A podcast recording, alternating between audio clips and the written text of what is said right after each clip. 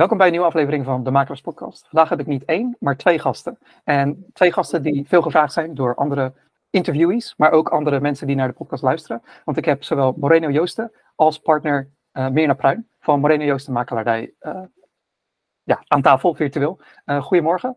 Goedemorgen. Goedemorgen. Ja, leuk.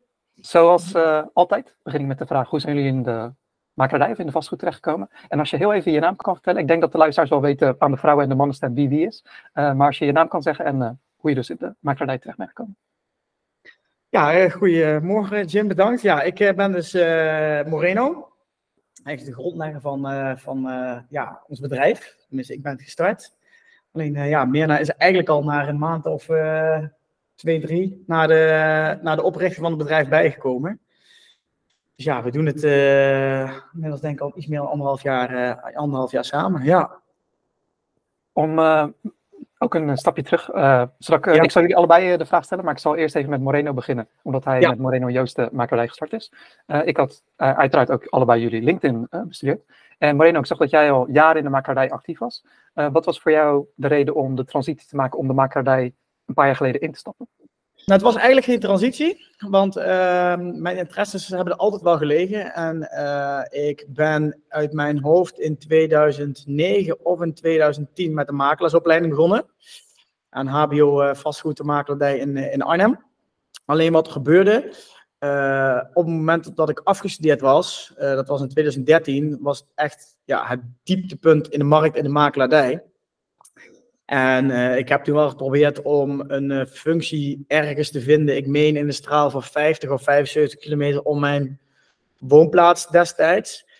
Maar er was gewoon echt helemaal niets te vinden. En uh, ja, dat begreep ik ook wel, want er werd gewoon bijna niets verkocht. En um, ja, je bent afgestudeerd en dan wil je toch wat, um, dan wil je toch wat gaan doen. En toen ben ik eigenlijk via via, via een uh, familielid, ben ik uh, de mediawereld ingerold. In de zin van uh, advertising, zowel offline als online. En dat heb ik, ehm, ja, heb ik goed een jaar gedaan. En toen werd ik door mijn grootste klant, werd ik daar eigenlijk weggepikt. En vanuit de advertentiewereld ging ik naar, ja, klinkt heel spannend, maar naar een bedrijf dat wapens en munitie en allemaal zaken eromheen verkocht. Alleen wat ik al heel gauw merkte, is dat ik de verkoop zich best wel interessant vond. Alleen het product, wapens, munitie, uh, accessoires eromheen, uh, ja, dat trok mij gewoon niet. En uh, ja, toen had ik al een beetje van, wat ga ik doen? Alleen toen was ik in Nijmegen stappen en stonden we in een, in een kroeg ergens, was midden in de nacht.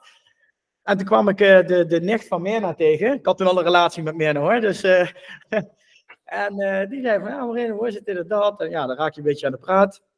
En die werkte destijds als bijbaantje bij een makelaarskantoor uh, bij ons in de regio.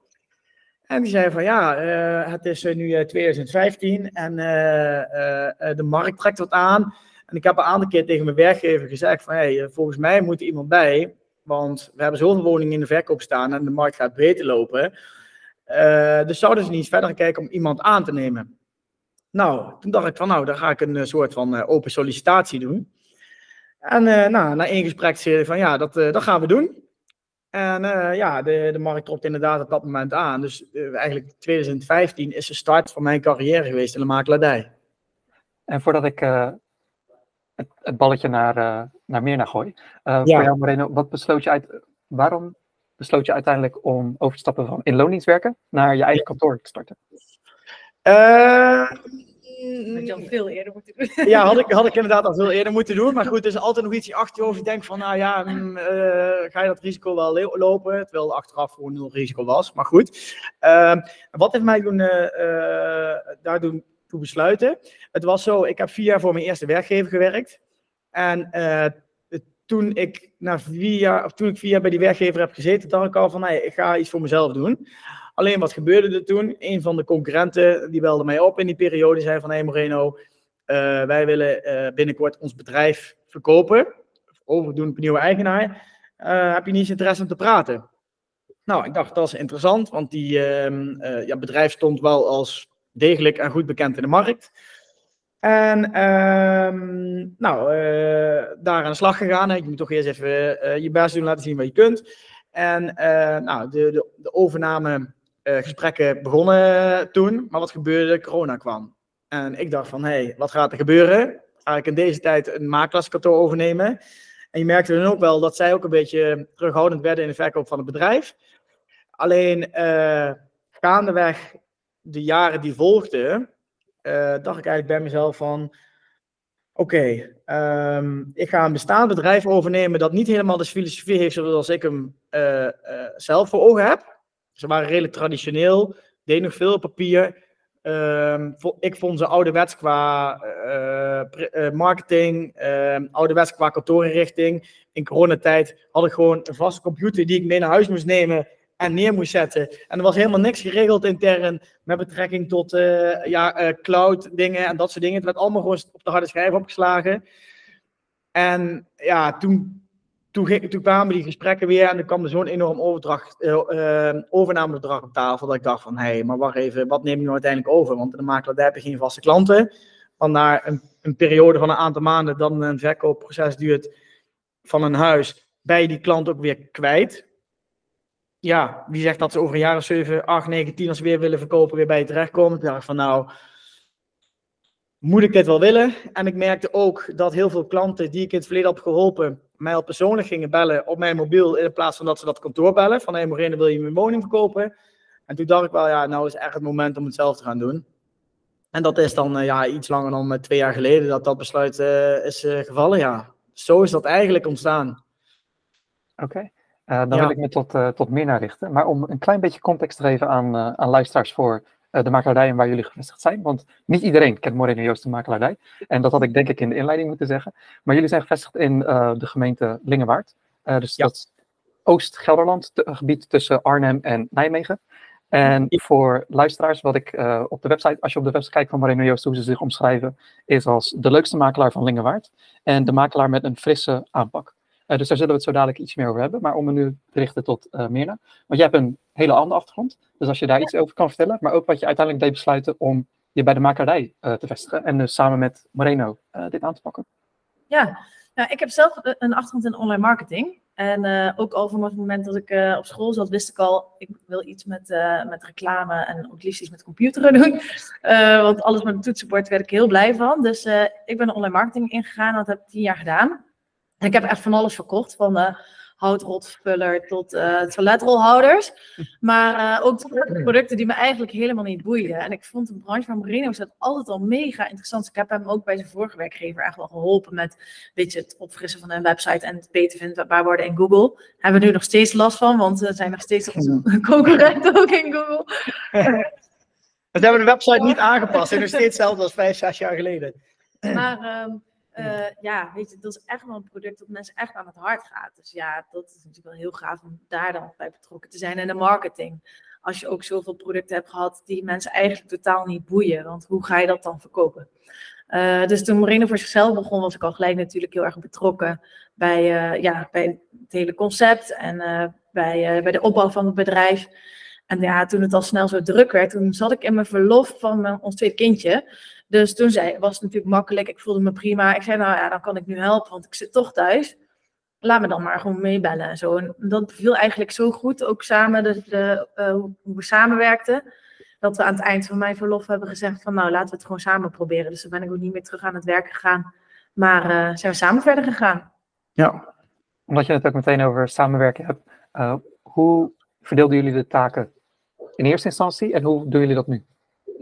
Ja, Moreno is gewoon echt een makelaar. Dus uh, we hebben nu nog een collega erbij uh, op kantoor. Ik op kantoor. En Moreno het moet eigenlijk gewoon zoveel mogelijk buiten zijn om te taxeren, verkoopgesprekken te voeren en ja, te bezichtigen iets minder, want dat nemen Evie en ik inmiddels wel wat meer over.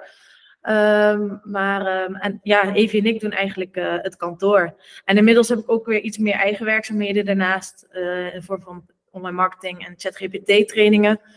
Um, dus ja, dan hebben we nog meer eigenlijk ons eigen ding. Ja, en ik bemoei me helemaal niet meer met de planning of het aanmelden van woningen. Ik ben alleen in beeld bij een verkoper op het moment dat het verkoopgesprek is. Dan ben ik even uit beeld. En op het moment dat de woning op Funda staat, dan kom ik weer in beeld. Dus zo is een beetje de verdeling op dit moment. Ja. als de woning op vindag geplaatst wordt en je komt weer in beeld, dan, uh, dan ben je weer met de klant bezig voor bezichtiging en dergelijke. En om ze te informeren? Of, uh... Ja, gewoon nauw, we houden nauw klantcontact. Dat, dat is heel belangrijk. En ja, ik heb gewoon eigenlijk nou, niet altijd dagelijks contact met een klant, maar wel gewoon veelvuldig. Ja. Dat uh, leidt al een beetje weer terug naar uh, waar we het eerder over hadden, de filosofie of de visie, uh, waarmee je mm. Moreno is gestart. En ik had natuurlijk al genoemd op jullie website de leukste makelaar en ook de makelaar met een frisse aanpak. Kan je daar iets meer over vertellen? Ja, ja. nou wat we een beetje zagen is dat hier in de buurt de meeste kantoren zitten, heel veel makelaarskantoren hier in de Enorm veel hè? Ja. maar eigenlijk allemaal met een vrij traditionele, ja, ik vind echt stoffige uitstraling en aanpak. Uh, allemaal een beetje van de oude stempel. Dus ja, dan was het eigenlijk best wel makkelijk als je een beetje met wat frissere, jongere uitstraling komt om dan jezelf te onderscheiden. Dus we zeiden, we moeten echt bij uitstraling gewoon zorgen dat het niet op het uh, standaard makelaarskantoor lijkt. Dus ook geen standaard uh, Realworks website, maar gewoon een zelfgebouwde website. Um, dus dat een eerste. En lekker simpel taalgebruik. iedereen hier in de omgeving gebruikt u. Nou ja, wij niet. Sowieso past het niet bij ons. Dus we hebben eigenlijk iets voor gekozen wat en heel dicht bij ons ligt. En automatisch waren we daarmee ook al uh, wel snel onderscheidend. En uh, ja, wat je ook merkt is dat er toch nog wel makelaars een redelijk slechte reputatie hebben qua transparantie en hoe eerlijk ze zaken doen. Nou dat wilden wij ook echt helemaal tegengaan. Dus wij hebben ook gelijk gekozen voor een hele eerlijke, transparante aanpak. Ze proberen alles gewoon zo simpel mogelijk uit te leggen. Ja. Uh, en uh, uh, ja, gewoon te zorgen dat de klant van begin tot eind helemaal inzicht heeft in wat er, wat er speelt. Dus eigenlijk dat biedlogboek wat nu in leven is geroepen, wat eigenlijk een soort van verplicht is als je aangesloten bent bij een branchevereniging. Dat is sinds 1 januari dit jaar geweest, maar eigenlijk deden we dat al vanaf het begin. Ja, en wat, ja, eerst hier in de omgeving. Maar de eerste hier in de omgeving gebruiken. En wat, um, wat wij ook als de, de enige hier in de omgeving doen is wij zetten onze coutage gewoon op onze website. Uh, bij ons zie je gewoon als je ons belt van, hey, uh, willen jullie ons huis verkopen? Dan kun je bij ons op de site kun zien van, oké, dit, zijn, dit zijn de kosten, dit ga je betalen aan de fotograaf. Je krijgt er nog een mail erachteraan met de uitleg hoe alles werkt en ook nog een keer de kosten. En ehm, ja, dat doet de rest hier in de buurt niet. En op een of andere manier is dat denk ik angst of zo. Ik weet niet wat het is, maar ik denk bij mezelf, als ik een een nieuwe televisie wil kopen of een nieuwe iPad, ik google op dat type. En ik kan bijvoorbeeld Coolblue bij MediaMarkt en bij, eh, tegenwoordig niet meer bij de BCC, maar je kunt dan zien wat het dan, wat het dan kost. Maar dat wil je toch gewoon? Ik denk van waarom hou je dat achter? En ik, ik snap wel een beetje waar dat vandaan komt. Om te denken van ja, als ik met iemand in gesprek zit, kan ik nog een beetje spelen met mijn coutage. Uh, alleen ik denk juist dat het andersom werkt. Iemand die mij uitnodigt, weet ik wat het kost gaat het niet meer over de Het gaat niet meer over de prijs als ik met mensen aan tafel zit. Het is al gewoon duidelijk. En ik denk dat dat uh, in ons voordeel kan werken. Ik denk ook soms, heel, eh, soms wel eens in ons nadeel. Want ik heb af en toe wel eens gemerkt tijdens verkoopgesprekken. Uh, dat achteraf ook een collega kwam. En als diegene wist dat wij kwamen, dat zij dus wisten wat onze quotage was, dat ze wat lager gingen zitten. Ja, dat kan af en toe gebeuren. Maar ik denk uh, dat het onderaan de streep ja, dat onze manier van, van werken, dus enerzijds transparantie in het hele proces, maar ook transparantie in, in wat het, onze ja, kosten zijn, ja, dat het wel echt gewoon werkt. Ja. ja. Omdat jullie zo'n uh, eigen uitstraling hebben en ook op, op de, de, kanalen die jullie gebruiken ook heel uh, ja, het is heel duidelijk wie is Moreno Joost de makelaardij. Uh, mm -hmm. Merken jullie met de verkoopgesprekken dat jullie de enige partij zijn die uitgenodigd worden? Of worden jullie uitgenodigd samen met twee, drie anderen en moet je op dan concurreren? Nee, ja, uiteraard soms wel eens. Uh, maar ik denk dat wij in 75% van de gevallen uh, geen concurrentie ervaren tijdens verkoopgesprekken. Is ook wel kenmerkend voor de regio hier, ja. denk ik hoor. Omdat toch veel ons kent ons is. Uh, ik denk als je in een meer stedelijke omgeving zit, dat ja. je al snel meer concurrentie hebt dan, uh, dan hier. Ja. Maar ja, wij worden heel vaak uitgenodigd gewoon inderdaad om uh, hoe we werken. Ja, en ook om de uitstraling op social media. Ja, ik heb wel eens gehad dat ik bij mensen thuis kwam die ik niet kende. En zei van, hé hey Moreno, heel joviaal, net als je hem al tien jaar kent. Ja, ja, en uh, ja, jullie gaan mijn huis verkopen, want jullie doen het goed op Instagram. Ik denk, oh, oké, okay, werkt dat zo? ja, ja dus, die marketingkanalen, daar wil ik uh, zo wat dieper op ingaan. Maar om nog even, om weer even een stapje terug te doen in, in de tijd uh, toen je Moreno Joostenmakerij begon. Je gaf al iets eerder aan dat er uh, klanten jou een soort op je 06-nummer gingen bellen. Ehm, ik neem aan dat dat ook een soort, dat jouw bestaande netwerk de eerste klanten waren die je kreeg tijdens het kantoor. Hoe heb je de eerste klant aangetrokken die je soort niet vanuit jouw bestaande netwerk kwam? Uh, Als je dat kan herinneren. Ja, ik zit, ik zit heel even te denken. Um, dan hebben we het puur over verkoopklanten en niet over taxaties. Ik, in, inderdaad, ik denk in het begin, de eerste paar klanten, die kwamen inderdaad uit mijn netwerk. Want een paar klanten hadden mij bij de vorige werkgever al de opdracht gegeven om een verkoop te gaan doen. En die hebben toen gezegd van ja, we willen met Moreno mee dat hij onze verkoop gaat doen. En daarna zijn er nog een aantal verkopen gekomen van mensen die ik wel, mensen ja, die kende ik niet echt, wist wie het waren. En die wisten dan dat ik voor mezelf was begonnen, dus bellen je ze. Uh, maar ik denk dat uiteindelijk de eerste onbekende verkoper kwam gewoon uit een, een bordje aan straat, denk ik. Ja. Ja, vermoed ik. Dus gewoon het koopbord.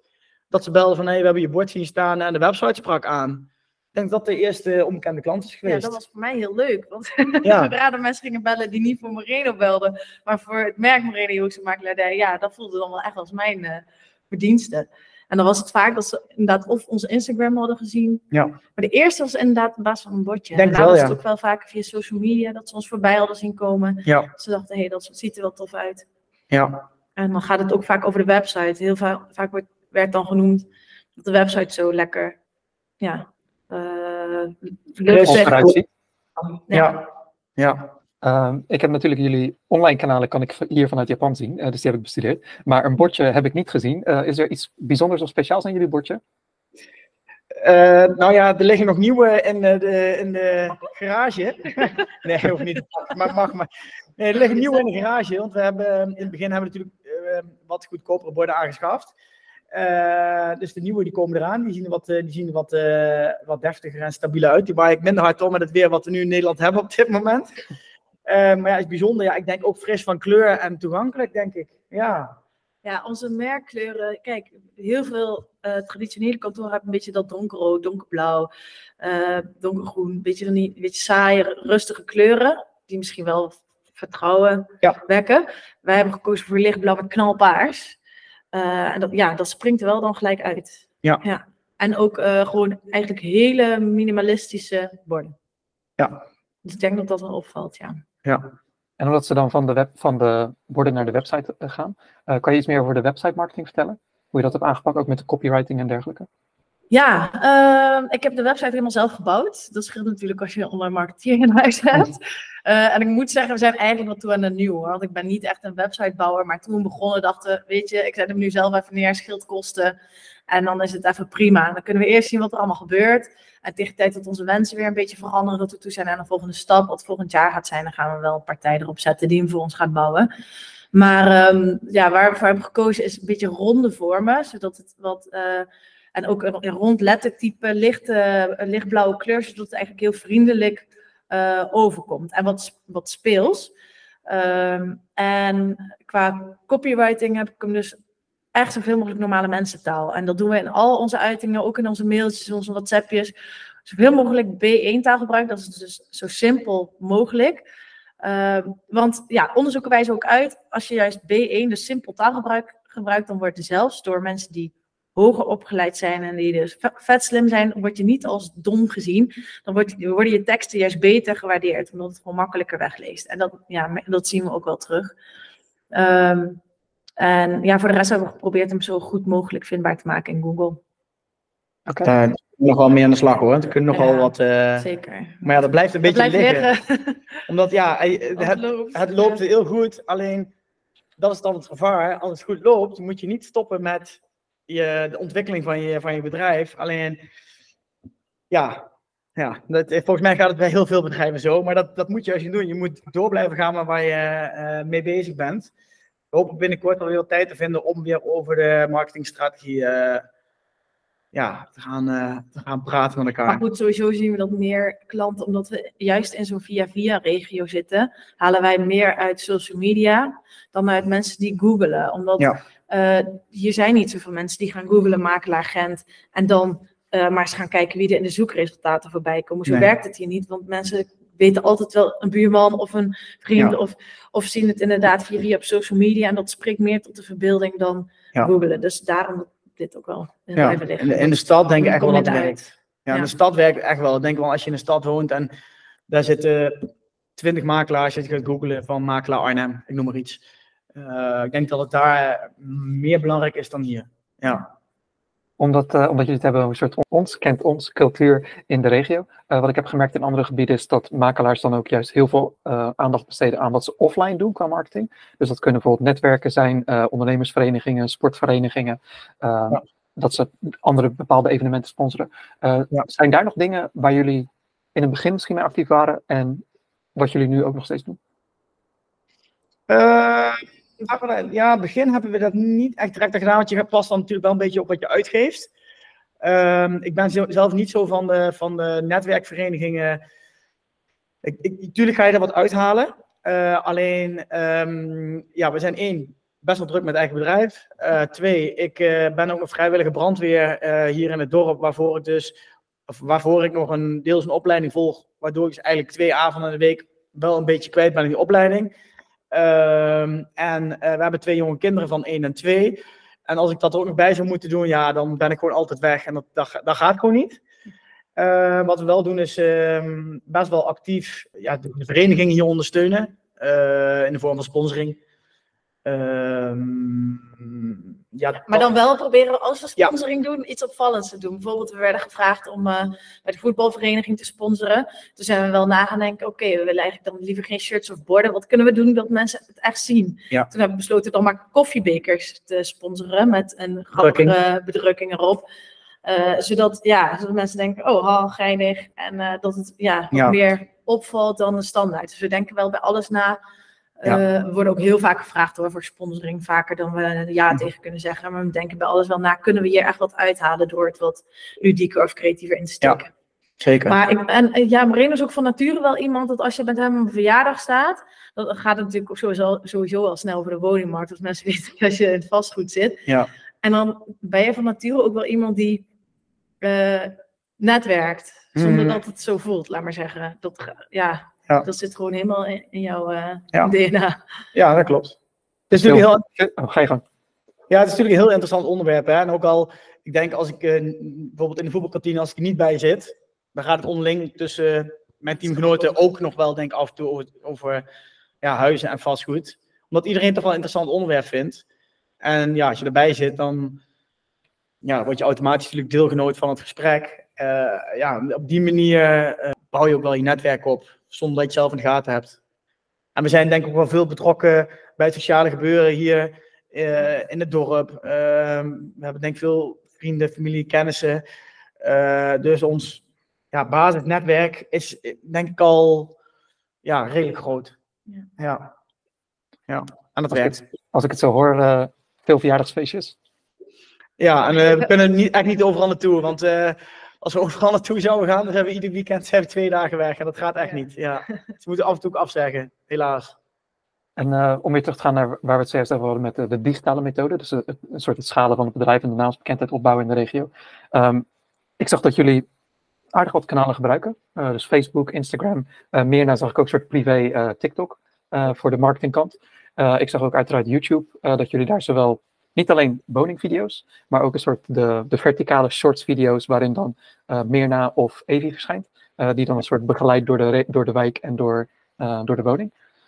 Um, podcast hebben jullie, hebben jullie ook, of nemen jullie ook op met, ehm, ja, over de, wat is het, de woningmarkt van Lingewaard? Ja. Ehm, zijn dat allemaal kanalen waar jullie al in het begin direct mee begonnen? Of zijn die langzaam maar zeker erbij gekomen? En hoe zijn jullie ervaringen daarmee? We zijn eigenlijk vooral begonnen met uh, Facebook en Instagram. Daarvan wisten we vanaf het begin, daar zit onze doelgroep. Uh, dus daar moeten we gewoon echt actief op zijn. En wat we uh, merkten, mensen willen gewoon weten wie je bent.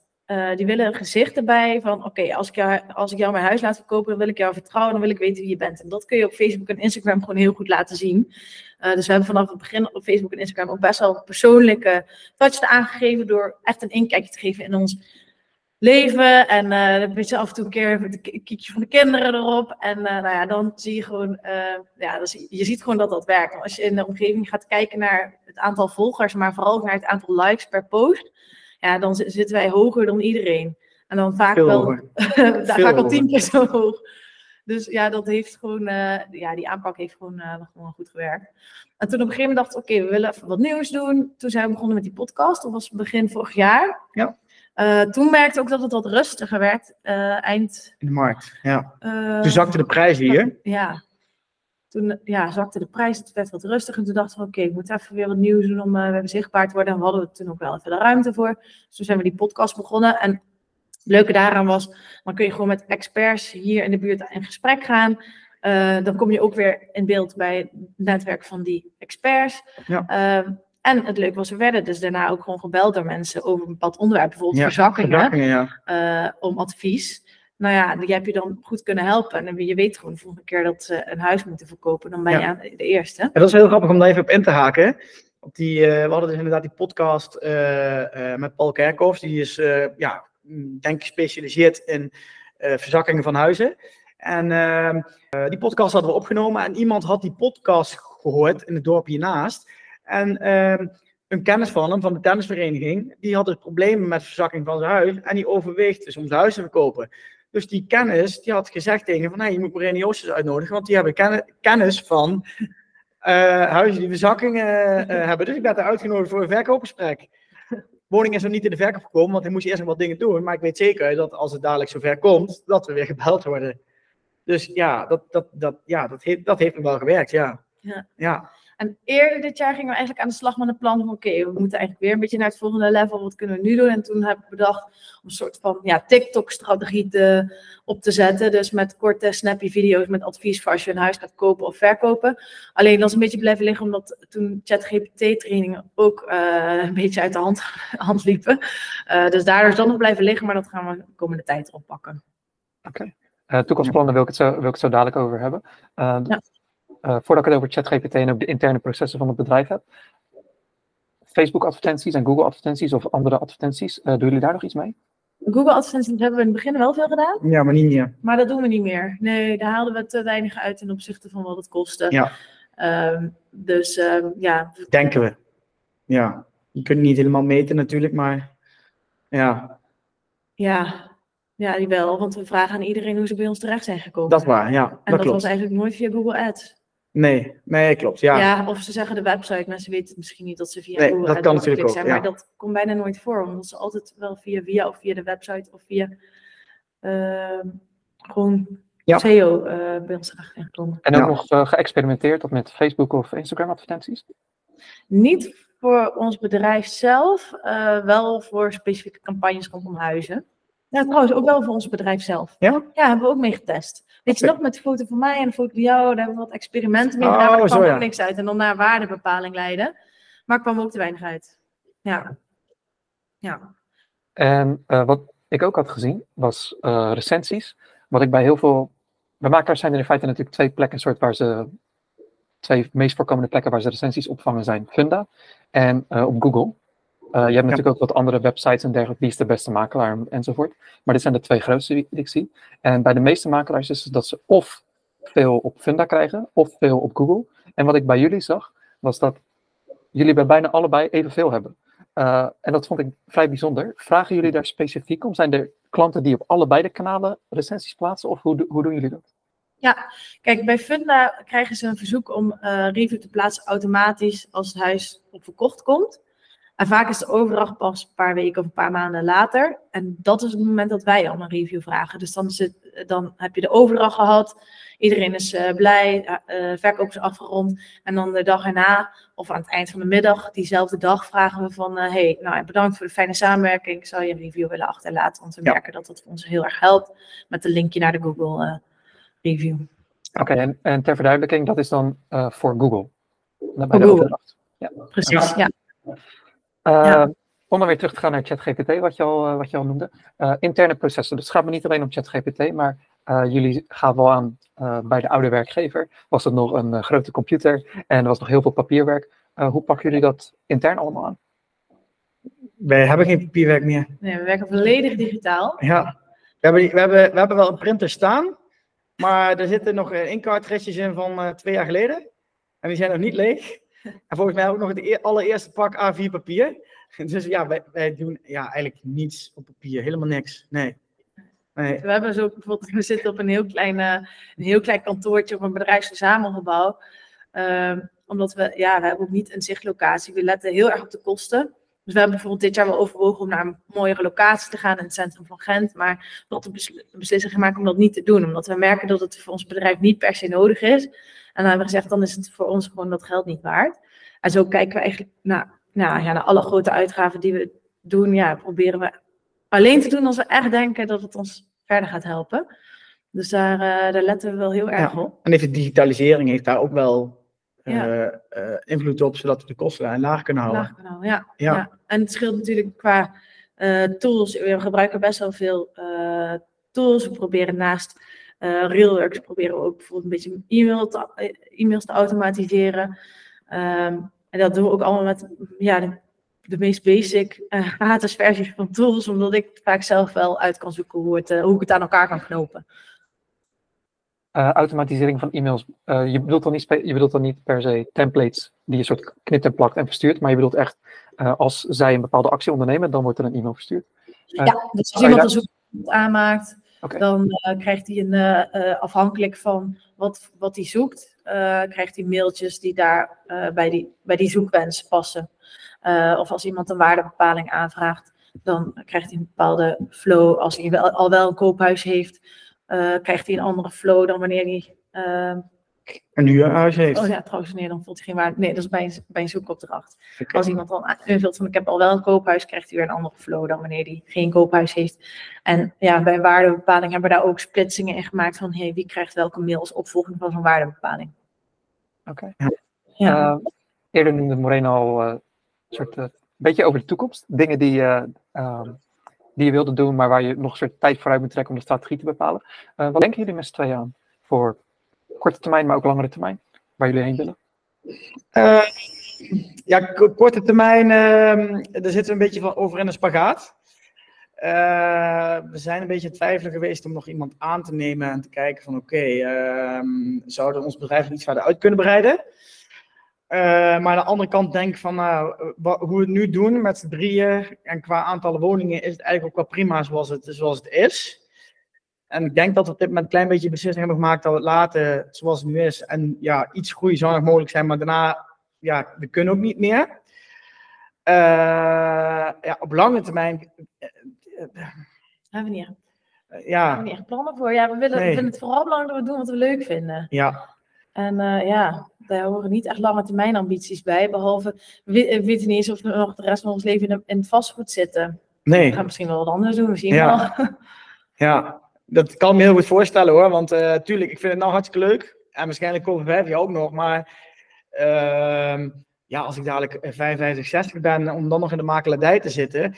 Kijk, ik zie heel erg aan mezelf. Ik ben nog jong en uh, ondernemend en nog heel energiek. Maar ik zie ook wel heel veel andere collega's die wat ouder zijn ik denk bij mezelf, ja, heb je, als ik als studie uitstraling denk van, nou, heb je er nog wel zin in?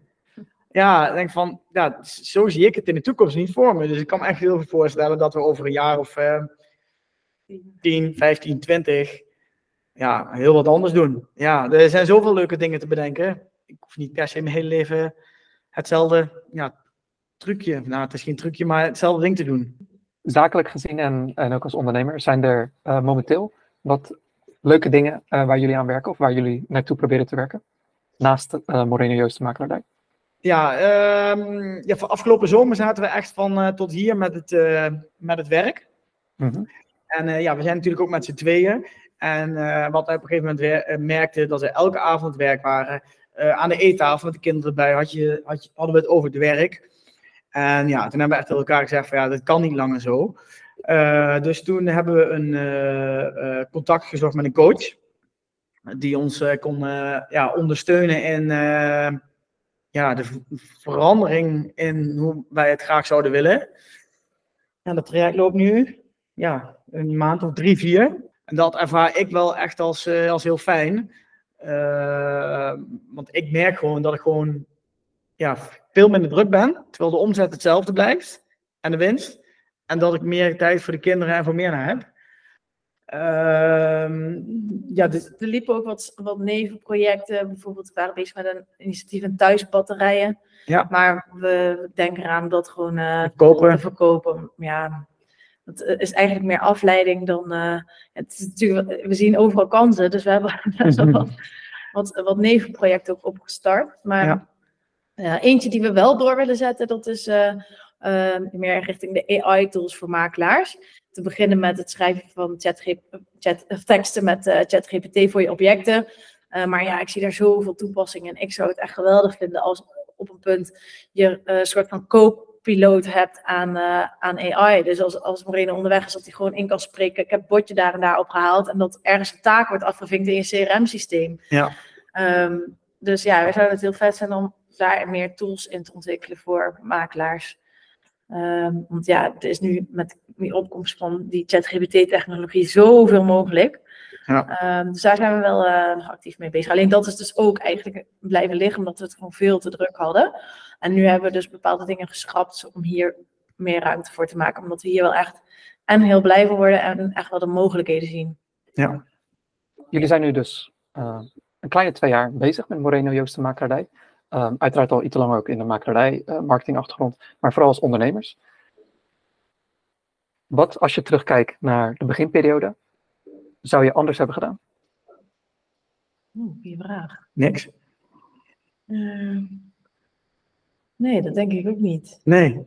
Is er mentaal iets wat je, uh, waar je, wat je misschien, misschien onderschat of overschat had? Um, ja, um, uh, ja. Ik denk vooral het samenwerken als uh, partners. Uh, In het leven? Ja, ja, maar goed, dan wisten we wel van tevoren, hadden we al wel gezegd, oké, we kijken even hoe dit gaat. En als het niet gaat, dan ga ik gewoon weer in loondienst werken. En we zijn er eigenlijk pas dit jaar tegenaan gelopen dat het wel gewoon te veel werd qua werk, waardoor we geen aandacht meer hadden voor elkaar. Maar ja, toen hebben we daar ook, ja, minder. Maar, maar toen hebben we daar ook gelijk actie op ondernomen. Dus dat zou ik denk ik niet volgende keer anders doen. Want ja, dat is ook gewoon een leermoment die je nodig hebt om uh, bij te kunnen sturen. En ik, uh, ik, ik merk dat ik heel erg perfectionistisch ben. Uh, dus wat ik in het begin heel erg deed, want ja. in het begin begon ik alleen. En nou, ging het, ja, de sneeuwbal ging rollen en werd steeds groter groter. En er kwam meer naar erbij, er kwam Evie erbij. En ik ging op een gegeven moment bepaalde dingen telkens controleren om maar alles in eigen hand te houden. Zodat ik wist dat wat er gebeurde, dat goed ging. En daardoor was ik dus ook heel erg druk. En uh, ja, wellicht misschien ook wel, uh, zonder dat ik het zelf in de gaten had, uh, wat gestrest. En uh, ja, toen zijn we dus met die coach in gesprek gegaan. Die heeft gezegd van ja, je moet dat micromanagement moet je gewoon, moet je gewoon loslaten. En ik denk dat het op dit moment heel goed lukt. Want ja, bepaalde dingen die laat ik nou gewoon aan en ik ga ervan uit dat het goed komt. En ja, daar heb ik denk ik wel heel veel geleerd. Ik denk ook als je wil groeien, dan kun je ook niet zo'n micromanagement zijn, want anders dan gaat dat gewoon niet lukken. En dat, dat, daar, heb ik wel, denk ik, winst in, uh, in, uh, in, uh, in geboekt de afgelopen maanden. Ja. Ja. ja. en nog een ding, niet je privé-nummer delen met klanten. Nee. Want bij ons werkt het zo dat als je doorklikt vanuit het CRM-systeem, dan bel je automatisch met je eigen 06. Terwijl we ook op onze telefoon een functionaliteit hebben om met het vaste nummer uit te bellen.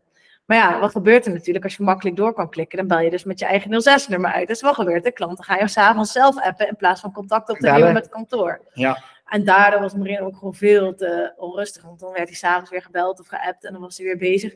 En nu merken we, nu heeft hij dus zakelijk een, een privételefoon. Dus dan is het weer wat meer gescheiden.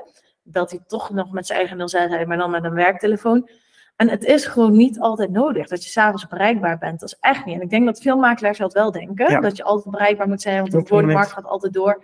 Dat is echt niet. Als jij s'avonds nog een mail krijgt met een probleem, vaak kun je het toch pas ochtends oplossen. Ja, maar je zal met problemen in je hoofd. Omdat je denkt van, oh jee, er is er aan de hand. En dan ga je met dat probleem ga je naar bed. Terwijl je beter ochtends opgestaan met het probleem, kun je gelijk actie ondernemen. En uh, ja, het is ook maar net hoe je je klant opvoedt. Hè? Dus als de klant een keer s'avonds een WhatsApp stuurt, na mijn zakelijke telefoon, dan krijgen ze pas de volgende dag reactie. En op een gegeven moment, na één, twee keer weten ze dat. Maar als jij je privételefoon ook als zakelijk gebruikt en je stuurt een appje en je stuurt s'avonds een appje terug, dan krijg je de volgende keer en de keer en de keer daarna Ook weer samen. ook weer s'avonds een appje. Je blijft er altijd mee bezig. Het gaat echt puur om hoe je je klant opvoedt. En dat is helemaal En niet in het begin deden we heel anders hoor. Toen waren we Ja. eigenlijk gewoon altijd bereikbaar. Ja. Maar nu... eh, Het is natuurlijk ook omdat je start, hè, dan wil je gewoon altijd bereikbaar zijn. Je wil snel, eh, snel klanten krijgen. En dan denk je, oh, ik moet dit doen. Maar op een gegeven moment als het loopt, denk je, ja, het hoeft eigenlijk helemaal niet. Dus dat is wel echt een, eh, ja, een goed leermoment geweest. Ja. ja, voor de rest zijn er geen grote dingen die ik anders had gedaan. Nee, en ook dit had ik niet anders gedaan. Want dit, dit was gewoon in de situatie Ja, waarin je ja. zat, denk je van, oké. op een gegeven moment komt het besef van, ja, het moet anders. Ja, Dus het We loopt. hebben ook de positie dat het kan. Dat je gewoon meer dingen... Meer ruimte voor jezelf kunt nemen ook. Ja. Ik had jullie nog een, om een eh, aanbeveling voor makelaars of ondernemers willen vragen, maar dat hebben jullie nu al eh, mooi eh, verwoord en verteld. Eh, is er binnen de makelaardij nog een soort van product of dienst ter ondersteuning van makelaars, waarvan jullie denken, waarom is dat er nog niet? Ja, ik denk dus die aanvulling op het CRM-systeem. Ik vind nu dat voor kantoorwerk, en voor makelaars dus ook, als je in een CRM-systeem werkt, dat je echt veel administratieve handelingen hebt. Echt veel.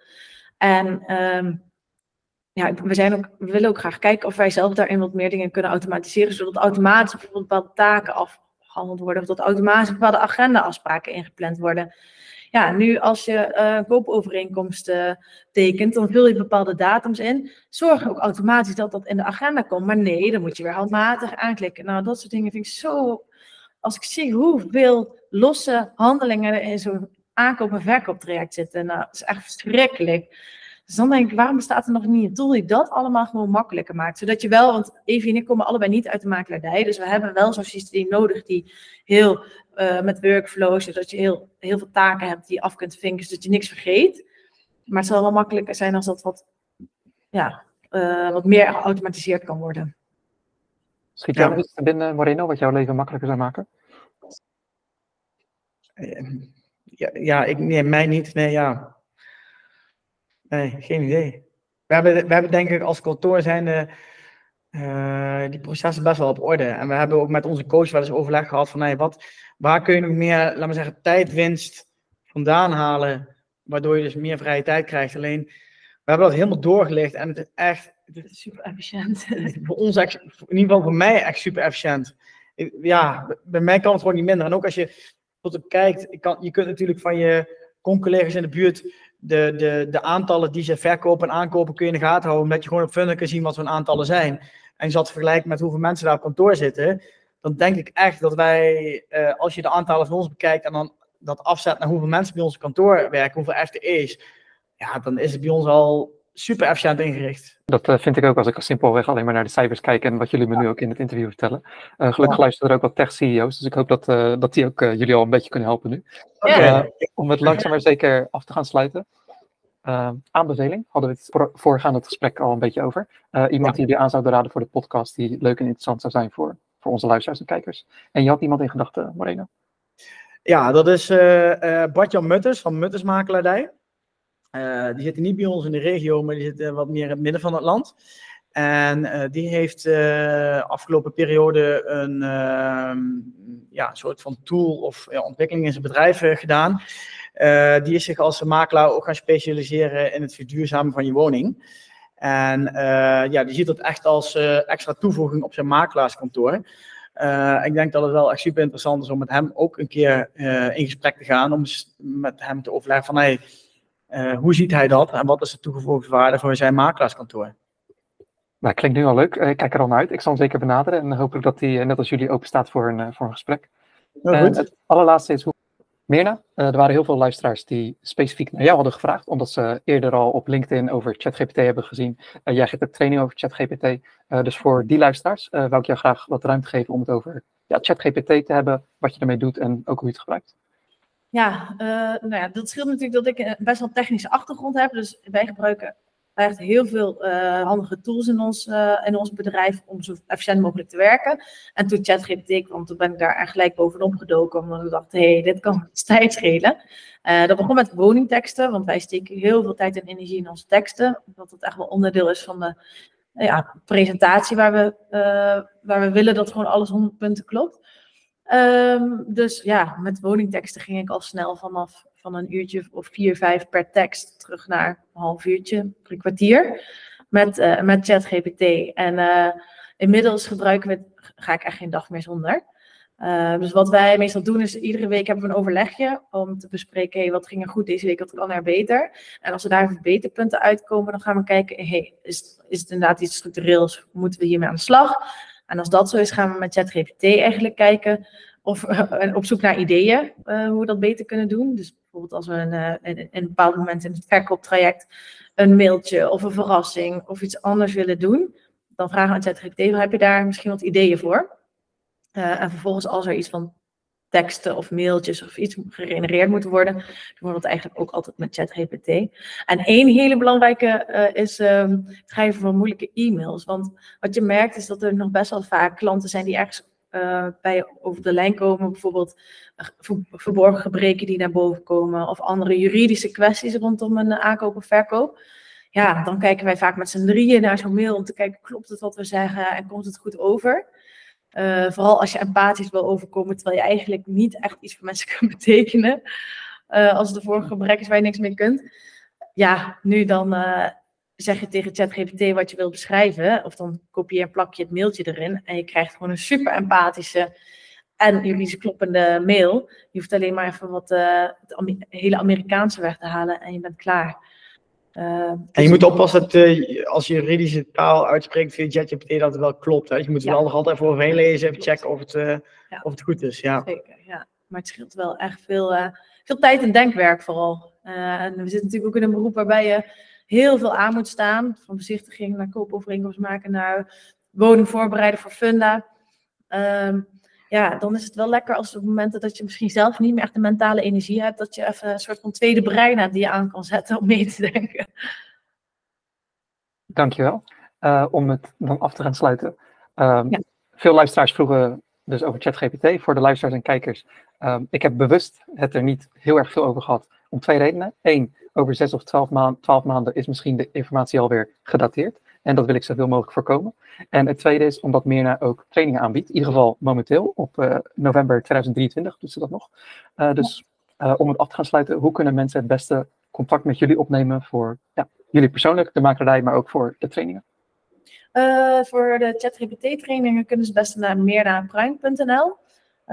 en daar vind je dan de trainingen die ik aanbied. En je neemt vooral even contact op. dan kijken we even wat er kan. Um, en uh, ja, voor het bedrijf kun je het beste naar morenojoosten.nl. Oké, okay. ik zal er zoals altijd voor zorgen dat die gegevens in de omschrijving staan, zodat het voor iedereen makkelijk is. En daarmee ja. wil ik jullie bedanken voor jullie tijd. Ja, jij ook. Uh, ik ben benieuwd wat het gaat worden. Ja. En kijk eens en luisteraars, zoals altijd. Tot de volgende keer.